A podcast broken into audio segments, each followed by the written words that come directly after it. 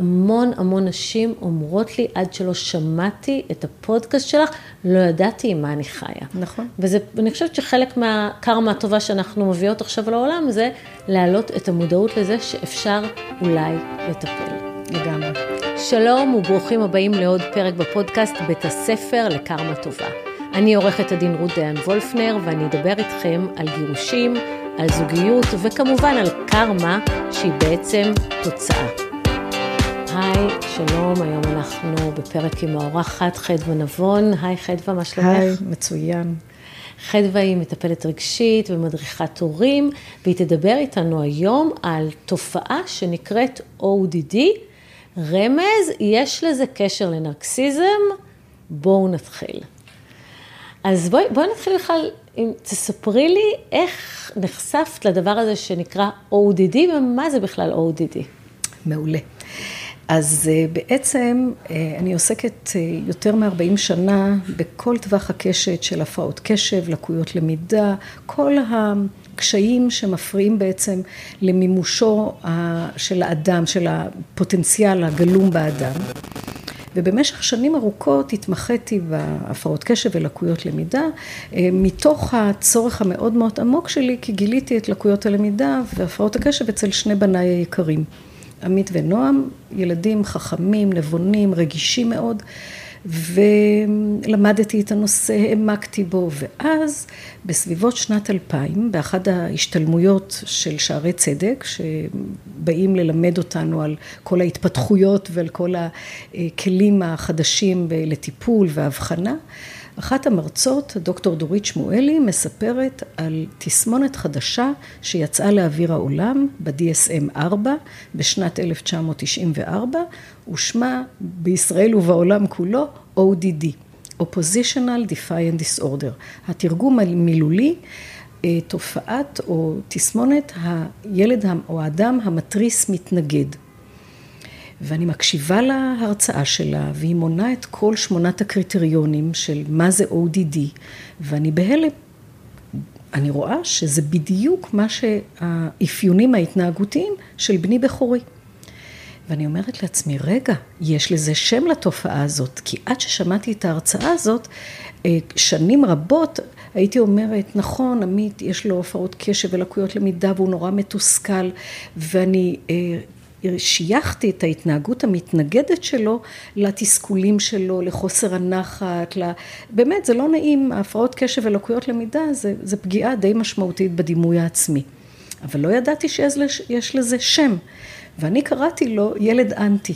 כי כל דבר הוא יתנגד. לא רוצה את זה, ואתם לא תגידו לי, ואתם לא תחליטו עליי. ואלוהים אדירים, אין, אין לנו ברירה, אנחנו, יש דברים שאנחנו צריכים להחליט עליך, אנחנו לא יכולים לתת לך לעשות מה בראש שלך, כל הזמן 24-7. ואז כשהבנתי שזו תופעה שהיא מוגדרת ו, ויש עליה סימוכין, הבנתי שאני צריכה להבין מה זה התופעה הזאת.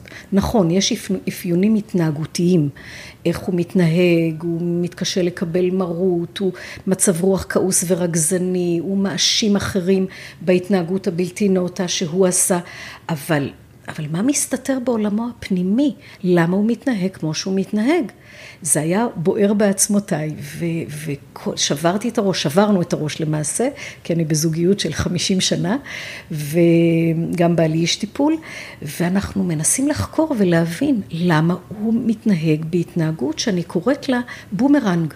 כי הוא בעצם מייצר התנגדויות, ואז מתנגדים לו, והוא מייצר כעסים וכועסים עליו, והוא נכנס למין מערבולות של כעסים, ולא יוצאים ראש מהסיפור הזה.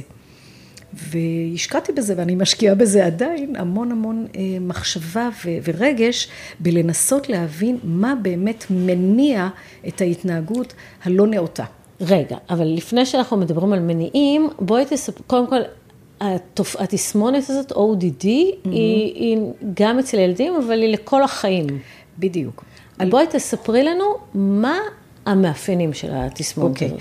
אני רק רוצה לומר שב-DSM, על פי הקריטריונים, זה כתוב מגיל 0 עד 18, ואחר כך מדברים על יותר הפרעת אישיות. אני חושבת בתפיסה שלי, שה-ODD לא הולך לאיבוד לשום מקום, לצערי הרב. הלוואי והוא היה מתאדה לו לאיזשהו מקום, ואני חושבת שפשוט ה-ODD ממשיך לאורך מעגל החיים, ואחר כך בא לידי ביטוי במקומות עבודה, הוא בא לידי ביטוי בזוגיות בעוצמה מאוד גדולה, אחר כך בהורות, בסבאות.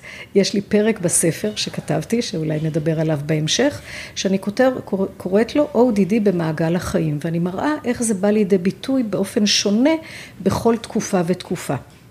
ומה בעצם, בואי בוא נדבר ככה, ניגע במאפיינים יפה. של הדבר הזה, כי שאת סיפרת לי מה זה בשיחה המוקדמת אמרתי לך, בואי, זה נרקסיזם. נכון. אז, אז... אז באמת, אה, אז אני אתחיל ככה, בקריטריונים שכתובים ב-DSM, אז כתוב ככה, הדברים המרכזיים זה מצב רוח כעוס ורגזני, קושי בקבלת מרות, אה, צורך בלתי מתפשר בלשלוט ולכפות את רצונו על אחרים, אה, האשמת אחרים בהתנהגות הבלתי נאותה שהוא מייצר, זאת אומרת התנהגות מאוד מאוד שיש בה גם אלמנטים תוקפניים, שכשהדברים לא מתנהלים על פי דרכו, אז הוא יכול להגיע להתפרצויות זעם חסרות שליטה. והאלמנט המאוד חשוב בסיפור הזה, שהם אנשים רגישים מאוד. מה זה רגישים מאוד? הם מאוד קשובים ו- ורוצים ו- ו- שמים לב לאיך מתייחסים אליהם, ומאוד רגישים אם מתייחסים אליהם בצורה לא יפה או לא הוגנת על פי ה... קריטריונים שלהם, ומאידך גיסא, אותו אדם עצמו שכל כך רגיש למה חושבים עליו, מה, איך מתייחסים אליו, הוא עצמו יכול להיות מאוד תוקפני, מעליבן, אני חושבת שהרבה פעמים הם מזהים את נקודות החולשה של האחרים, או של ההורים שלהם, או של בנות הזוג שלהם, ותוקפים את האדם על פי ההבנה שלהם, איפה נקודות החולשה שלו. שזה בול נרקסיסטי. בול, בול. כן, כן, זה, זה בעצם, הנרקסיזם הוא מוגדר אה, ב-DSM, אני, אני לא יודעת איך הוא מוגדר ב-DSM, אבל אם בכלל, או שזה מין שם כולל להתנהגות הזאת, ואני חושב, ובדרך כלל כשמדברים על נרקסיזם, מדברים על מבוגרים. ואני טוענת שזה לא מתחיל, הוא לא פתאום הפך לנרקסיסט, הוא לא פתאום הפך את אורו. כי כמה אנשים משנים את אורם מהקצה אל הקצה. הוא גדל כילד ODD שלא, שלא טופל נכון לדעת, לצערי בעצם, כי המודעות לקיומה של התופעה, למרות שהיא הוגדרה כמעט 30 שנה, היא מוגדרת ב-DSM. אני תמיד אומרת לאנשים, כי אני כמעט היחידה בארץ שמתעסקת בנושא הזה באינטנסיביות, וכתבתי ספר כדי לקדם את המודעות לתופעה, אה, כמעט לא מכירים אותה, גם לא אנשי הטיפול.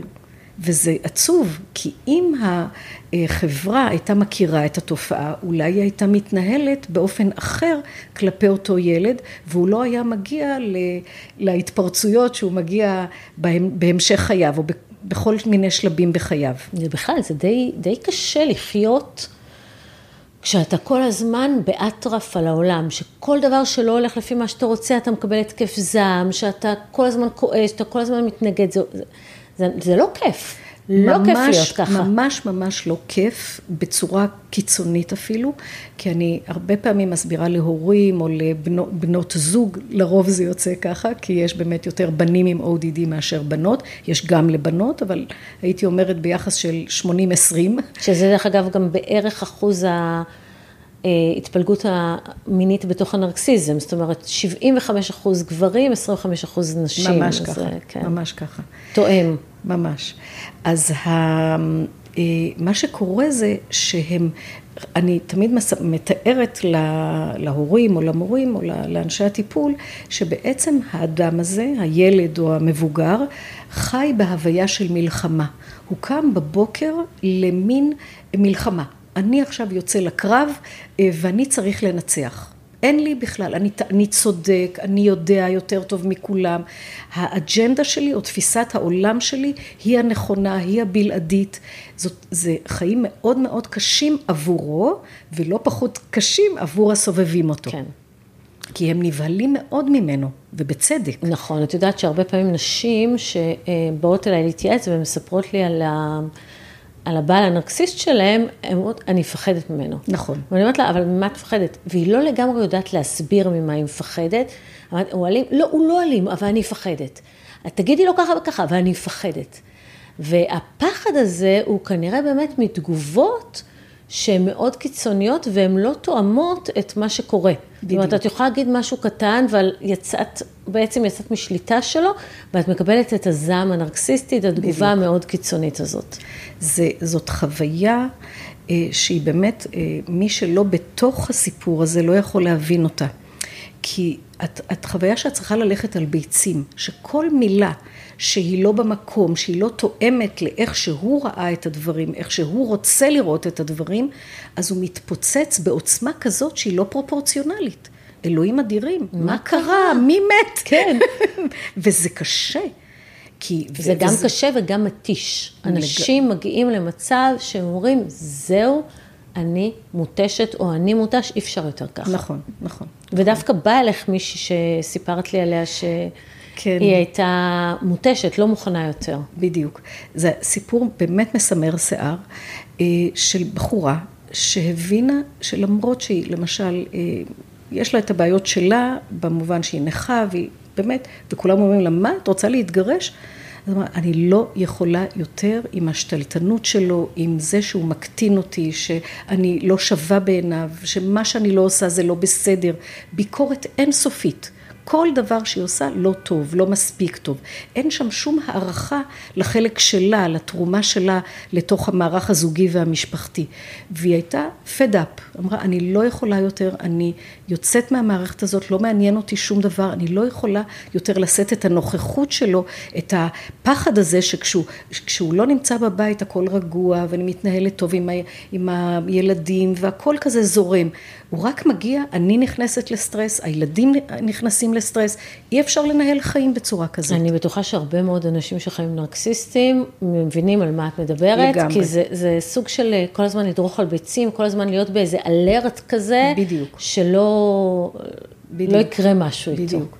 ובאמת היא אמרה, אנחנו כבר, זה כבר היה כמעט עשרים שנה שהם ביחד, ואמרה, זהו, אני לא מסוגלת יותר, זה לא מעניין אותי כלום, אני קמה והולכת. ואז אמרתי לה, מכיוון שאני מכירה אותה הרבה שנים וטיפלתי בה בעוד אה, רבדים בחיים, היא עברה דיכאון מאוד קשה ועשינו תהליך מאוד יפה והיא יצאה מזה פול בצורה מאוד טובה. אמרתי לה, רגע, פוס, מתכננים. לא פועלים, לא ישר רצים ואומרים זהו, הולכים אה, ואומרים זהו, אנחנו מפרקים את העסק. בואי נחשוב ונשקיע מחשבה מי יהיו גורמי התמיכה בסביבה, של, בסביבה שלך, שצריך לגייס אותם כדי לבשר לו את, את הבשורה. כי הוא לא יהיה מסוגל להכיל את העובדה שאת תצאי משליטתו. הוא לא, הוא לא יהיה מסוגל. הוא חלק מהנרטיב הפנימי שלו, אני כאן הגבר, אני יודע מה צריך לעשות, אני שולט שליטה מלאה בכל מה שקורה, באשתי, בילדים, בכל מה שקורה סביבי. לא? התפרצות. ואם לא? זעם, התקף. התקף זעם מטורף. אמרתי למתכננים, קודם מגייסים, דבר ראשון שאמרתי לה, בואי קודם כל תבדקי את התחום הכלכלי. בואי תראי מה קורה מבחינת חשבונות, מבחינת תפתחי לה חשבון נפרד, תתכנני את זה לאט לאט ובינתיים את מרגיעה את המערכת, את מרג, מרגיעה גם אותו.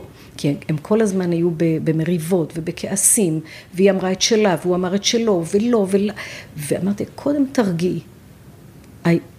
וכאן באמת אולי התובנות שצברתי לאורך אה, המחקר, מחקר החיים הזה, של לנסות להבין מה מתחולל בעולמו הפנימי של האדם הזה, הבנתי שהוא בעצם בחרדה.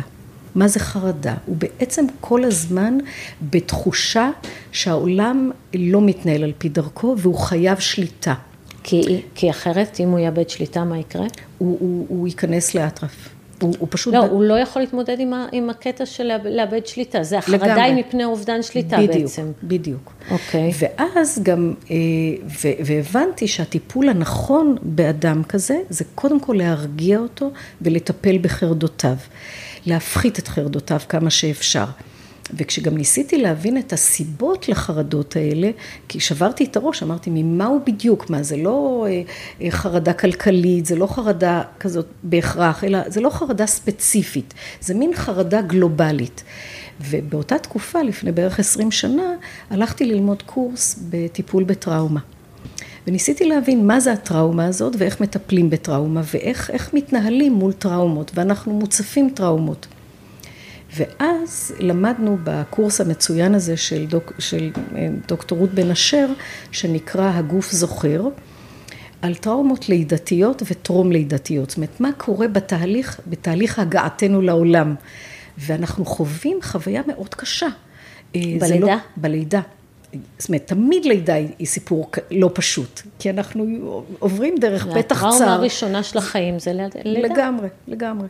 מהמקום המגונן הזה, אנחנו פתאום צריכים לעבור בתעלה צרה, זה לא פשוט. אבל יש ילדים שחוו טראומת לידה מאוד מאוד קשה.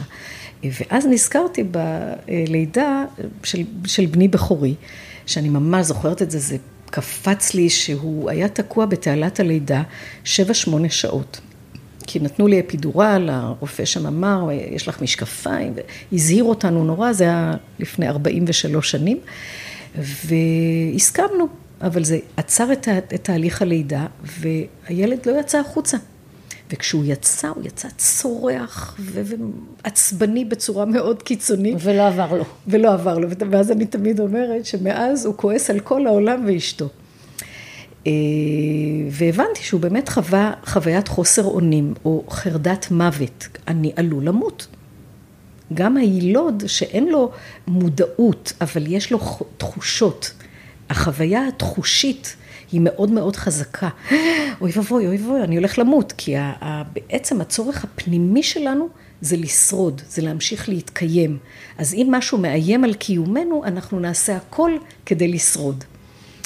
ו- וכך הבנתי שבעצם האדם השתלטן, המתנגד, הכעסן, הוא בעצם מאוד מאוד חרדתי. ואם אנחנו מבינים את זה, אז אנחנו יכולים לעזור לו להפחית את חרדותיו. ואם אני חוזרת לסיפור של הבחורה הזאת שרצתה להתגרש מהגבר התוקפני והשתלטן, אמ, אמרתי לה, רגע, לאט לאט, בואי, את מרגיעה, את מרגיעה גם אותך, את בחורה מדהימה, עוצמתית, הוא מקטין אותך, זה לא נכון. זה בגללו, זה לא בגללך. ועבדתי על לחזק את העמוד השדרה הפנימי שלה. את הערך העצמי. כן, בדיוק, את הערך העצמי שלה, את תחושת המסוגלות שלה, ובאמת ברגע שהיא גם, הקטע הכלכלי פתאום התארגן יותר טוב, ופתאום היה לה אה, אה, חשבון בנק נפרד, והיא הרגישה ביטחון שהיא לא תלויה בו, שהיא לא באטרף של אוי ואבוי, היא תאבד את הקרקע שעליה היא יושבת, אז פתאום היה לה גם איזה מין, התעורר בתוכה איזה מין רוך כזה כלפיו. והוא כאילו, הוא גם בן זוג שלה, אבל פתאום היה בה איזה מין משהו של מקבל, מכיל, כאילו אומר, וואו, הוא באמת באמת במצוקה.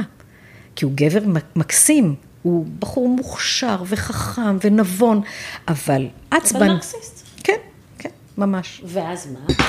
ואז קרה מין מהפך, אני ממש, אנחנו כבר כמעט התקדמנו לקראת העניין הזה שהיא מכינה, אה, עשינו תהליך של גייסנו את אה, אחותו שהוא מאוד אוהב, כדי שהיא תבשר לו, ואת אבא שלו, ועוד לא הודענו לו כלום, כלום. ו, וכבר זה הלך לקראת התהליך שמתחילים, ש, שמתכננים מתי להודיע ואיך להודיע, ואז פתאום היא אומרת לי, חדווה, תקשיבי, אני, משהו כאן השתנה בתוכי, אני מין חלמתי חלום, זה היה קצת מיסטי כל הסיפור שלה, ואני מרגישה שלא, שאני לא רוצה להתגרש. וזה היה כל כך, אה, זה המם אותי, אבל זה הבהיר לי עד כמה ל... ל כל המערך הזוגי זה, זה, זה שניים, זה, זה, זה זה לא שחור או לבן או טוב או רע, זה מערך, זה, זה מין אה, מקום של, אה, של תקשורת.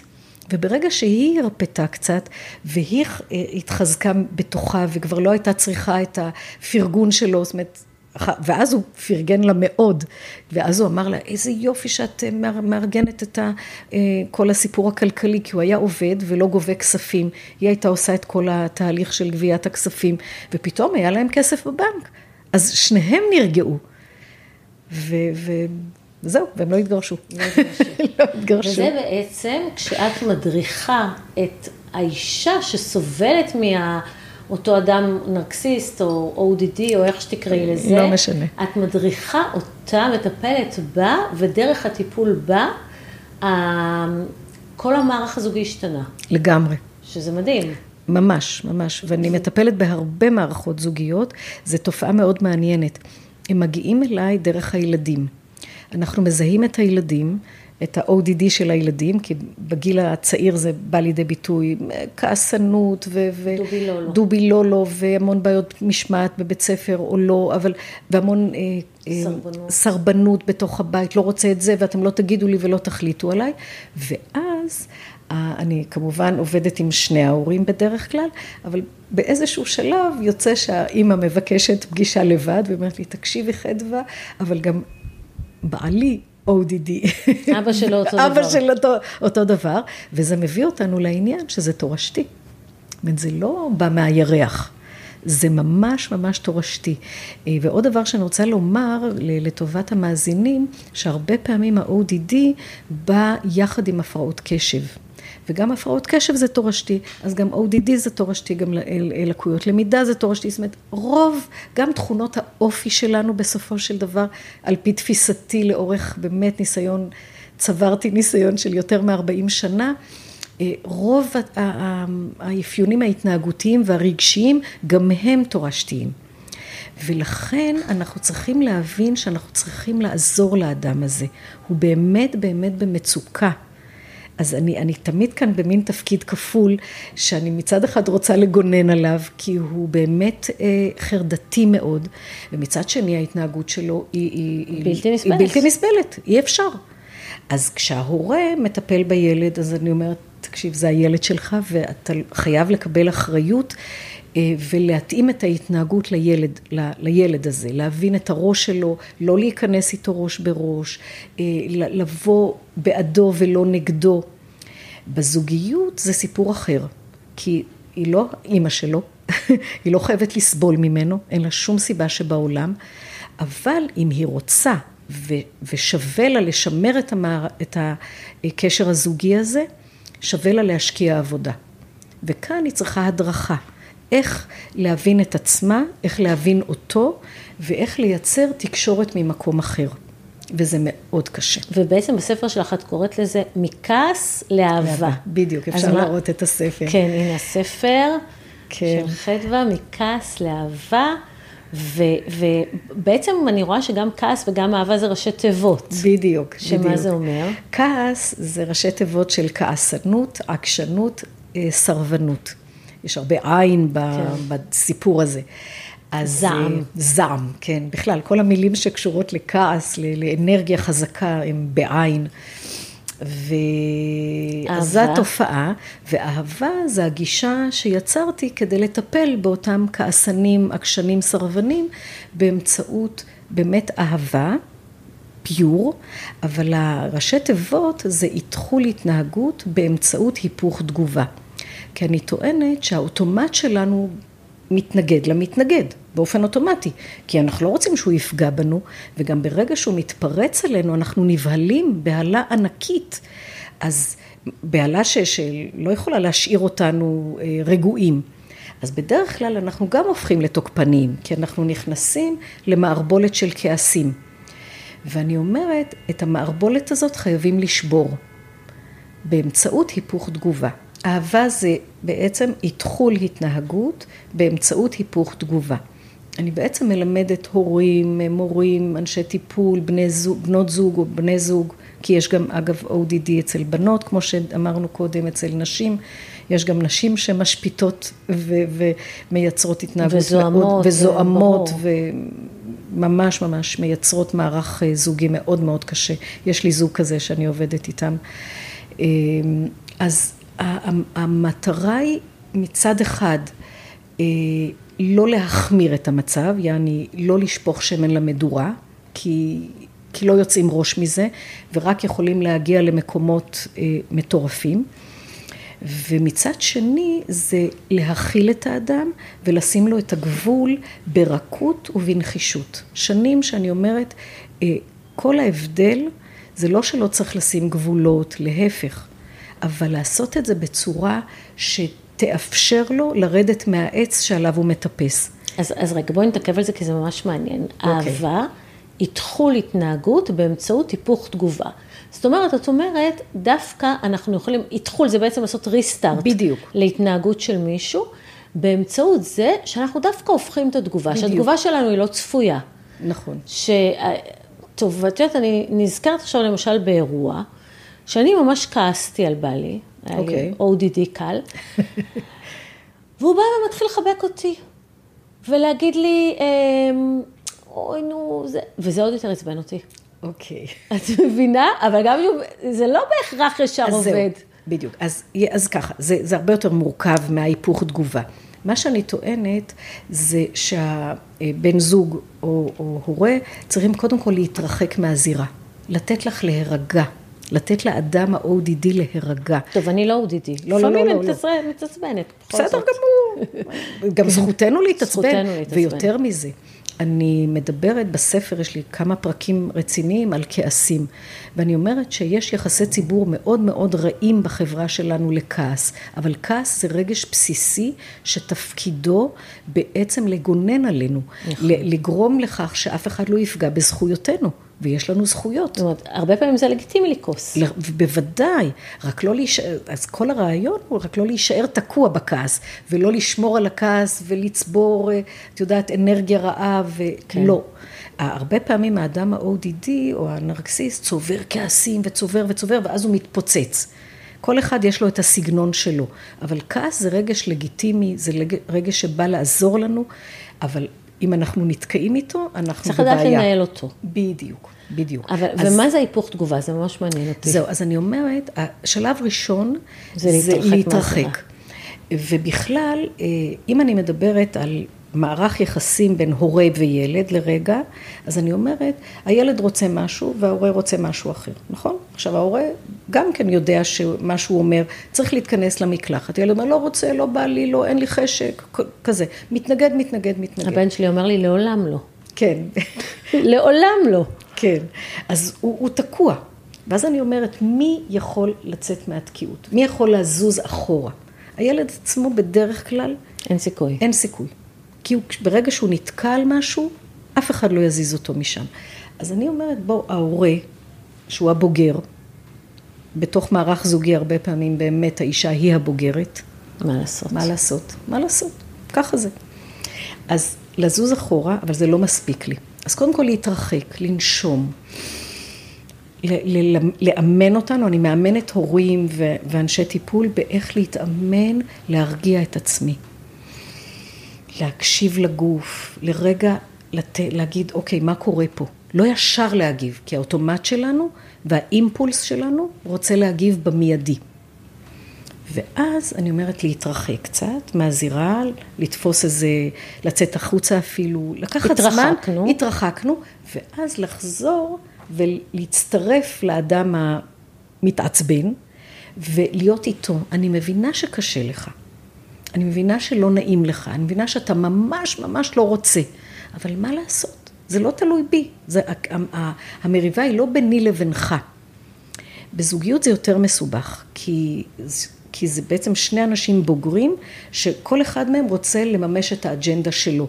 זה לא הורה שאומר לילד מה לעשות ויש לו את הזכות, זאת אומרת את הזכות, יש לו זכות להקשיב לילד, אבל הוא, הוא המחליט פה. בבני זוג אנחנו צריכים בעצם יחסים דמוקרטיים. זוכרת, דיברנו ב... כן, ב... שזה לא דיקטטורה. שזה לא דיקטטורה. יחסים זוגיים זה לא דיקטטורה. ואם אנחנו חווים דיקטטורה, אנחנו צריכים לטפל בזה. כי מערך יחסים, כמו שאני רואה אותו בין בני זוג, חייב להיות בעל אלמנטים של הקשבה לשני הצדדים. וחייבת להיות כאן דמוקרטיה. לא, אף אחד, כאן, אף אחד כאן לא מצביע, אבל זה לא משנה.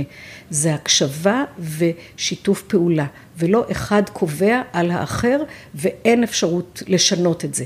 זה שאני... איך באמצעות היפוך תגובה אתה יכול להתמודד עם הזעם הנרקסיסטי על זה שיצא משליטה?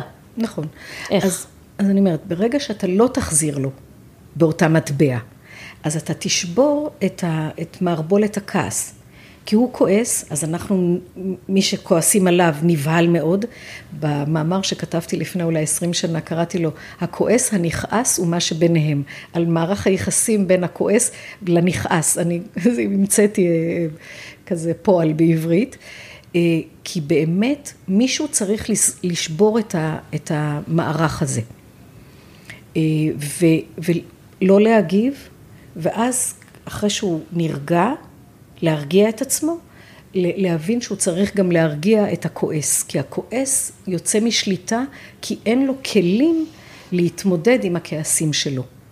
אני אספר לך על גבר שהגיע אליי אתמול עם התפרצויות זעם מטורפות, אה, ששבר את כל היחסים עם כל הסובבים אותו. מהאחים שלו, אה, אשתו לשעבר, הוא, וכבר היו לו כבר כמה מערכות יחסים, ועם הבן שלו והכלה שלו, כולם ניתקו ממנו קשר, כי הוא מתפרץ התפרצויות זעם חסרות שליטה. והם אמרו, לא מוכנים. והוא איש טוב, טוב, טוב, טוב, עוזר, עם נתינה מאוד טובה, אבל הם אומרים, לא, אנחנו לא מוכנים. אז הוא הסכים, כשהוא הבין שאנשים, שאמרו לו, תקשיב חמודי, תקשיב, אי אפשר יותר. אז הוא ביוזמתו החליט לבוא לטיפול. זהו, כי, כי גברים בגיל 72 שהם, אה, אה, בוא נגיד נרקסיסטים, או סובלים מהתפרצויות כאלה של חוסר הם שליטה, הם לא יבואו לטיפול בדרך כלל. מאוד מאוד קשה להביא אותם לטיפול. גם ילדים קשה להביא לטיפול, אבל זה כבר קצת יותר קל, אבל מאוד קשה להגיע, להביא אותם לטיפול. כי בדרך כלל הם גם לא חושבים שהם צריכים טיפול, הם ב- בסדר. בדיוק, בדיוק. אז איך בעצם עושים את זה? אז. אז אני אומרת, הוא באופן אה, ספציפי באמת הבין ש, שכל הסובבים אותו אמרו לו, תשמע, אנחנו לא יכולים יותר. ואתה חייב, זה לא נגדך אישית, אבל אנחנו לא מוכנים לקבל את היחס הזה. ואז הוא הבין שהוא באמת במצוקה מאוד גדולה, והוא החליט לבוא, הוא בחר, הוא הכיר אותי גם מהפייסבוק ומכל מיני מקומות, והוא החליט לבוא אליי אה, לטיפול. זאת אומרת, אבל זה בגלל שהוא בחר.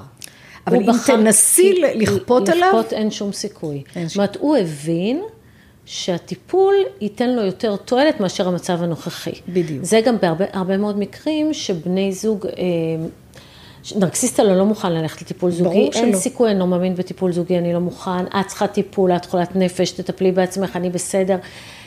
רק כשהוא מבין שזה או טיפול או גירושים, הוא מוכן לטיפול. נכון.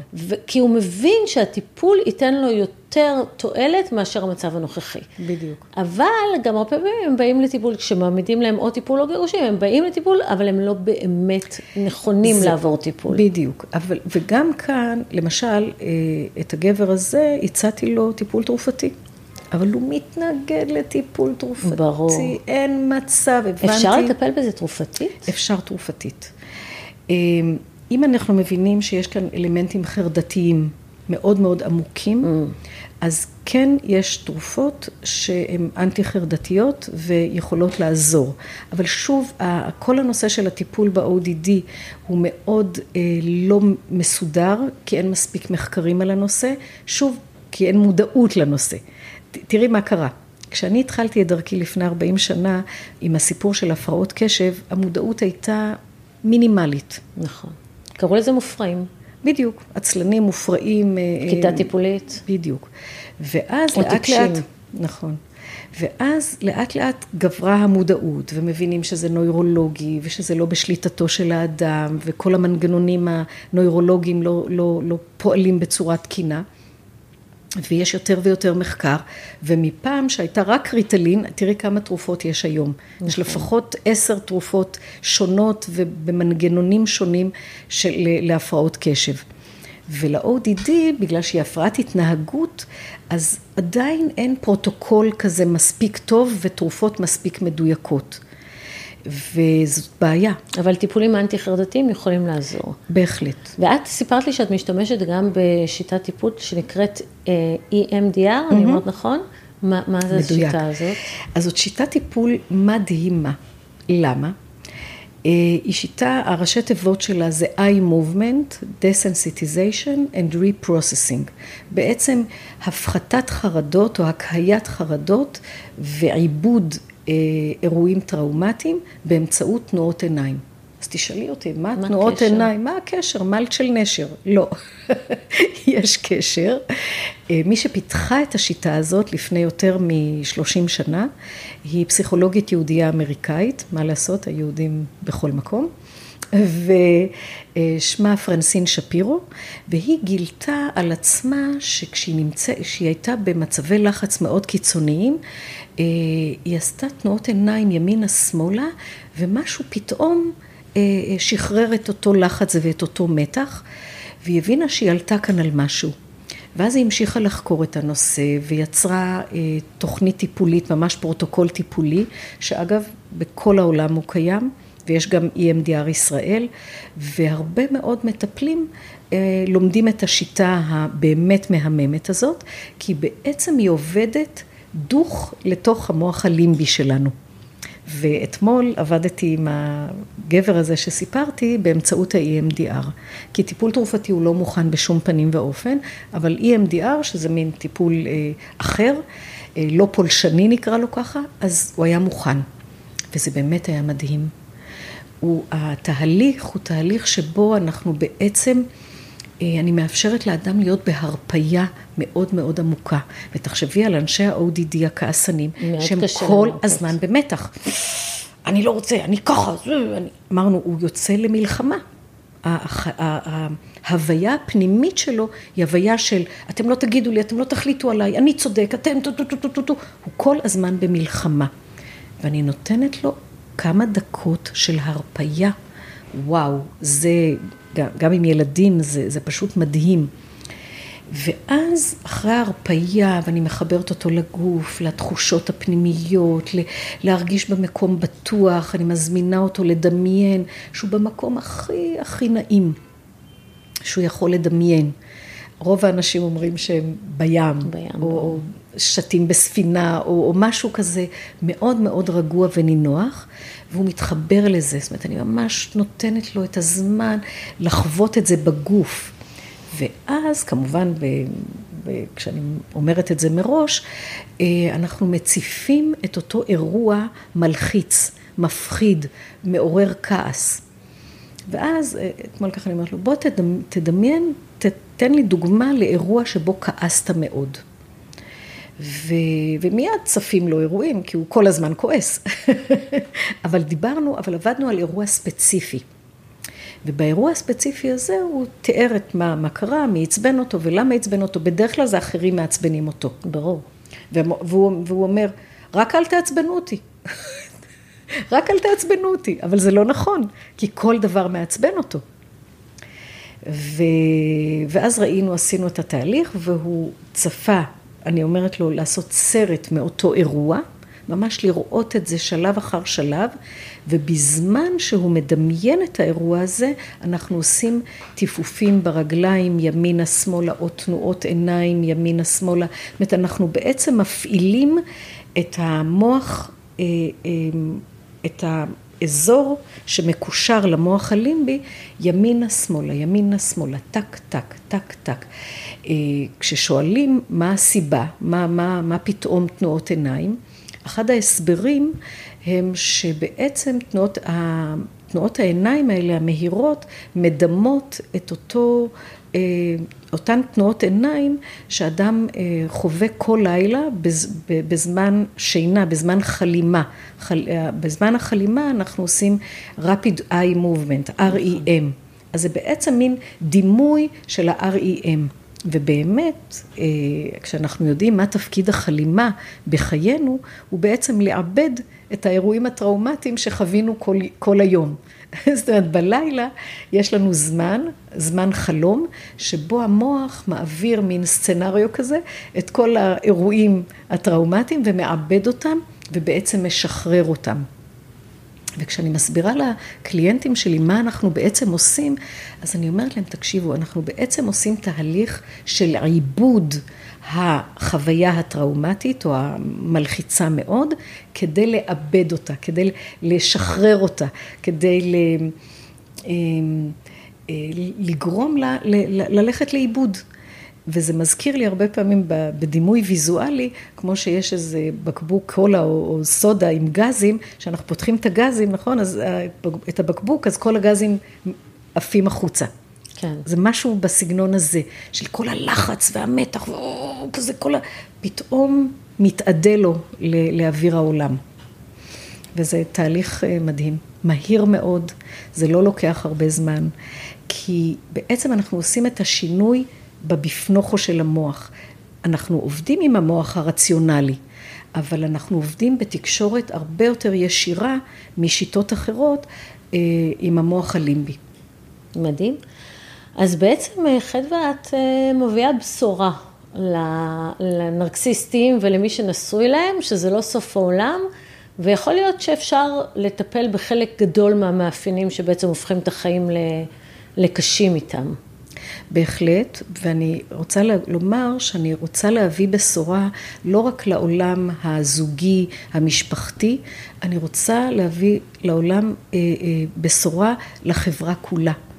כי מסתובבים בינינו הרבה מאוד אנשים אה, נרקסיסטים או אודידים כאלה כבדים, שאיכשהו מצליחים כלפי חוץ להראות שהכל בסדר, אבל בתוך המשפחה זה לא טוב, והחברה צריכה לקחת את זה כטיפול לאומי לדעתי. כל הנושא הזה של, יש עכשיו הרבה אה, אה, גישות מאוד יפות לטיפול בנרקסיסטים, יש מרכז, יש אה, שיטה שנקראת חמלה, צריך לעשות משהו ברמה הלאומית ולא רק ברמה המשפחתית זוגית, כי זאת בעיה לאומית. כן, אבל את יודעת, אדם קרוב אצל עצמו. נכון. והדרך לטפל בזה זה שקודם כל, כל אחד יטפל בנרקסיסט הפרטי שלו. לגמרי, אבל אני אומרת, כחברה, אה, בוא נאמר, מערך הבריאות, בריאות הנפש, מערך אני, ה... אני חושבת שאנחנו בתחילת הדרך, כי רק עכשיו אנשים מתחילים להיות מודעים לזה שיש שם לתופעה. בדיוק. כי, בדיוק. כי השיום הוא כבר חלק מהתהליך שמתחילים להתמודד עם זה. כי המון המון נשים אומרות לי, עד שלא שמעתי את הפודקאסט שלך, לא ידעתי עם מה אני חיה. נכון. ואני חושבת שחלק מהקרמה הטובה שאנחנו מביאות עכשיו לעולם, זה להעלות את המודעות לזה שאפשר אולי לטפל. לגמרי.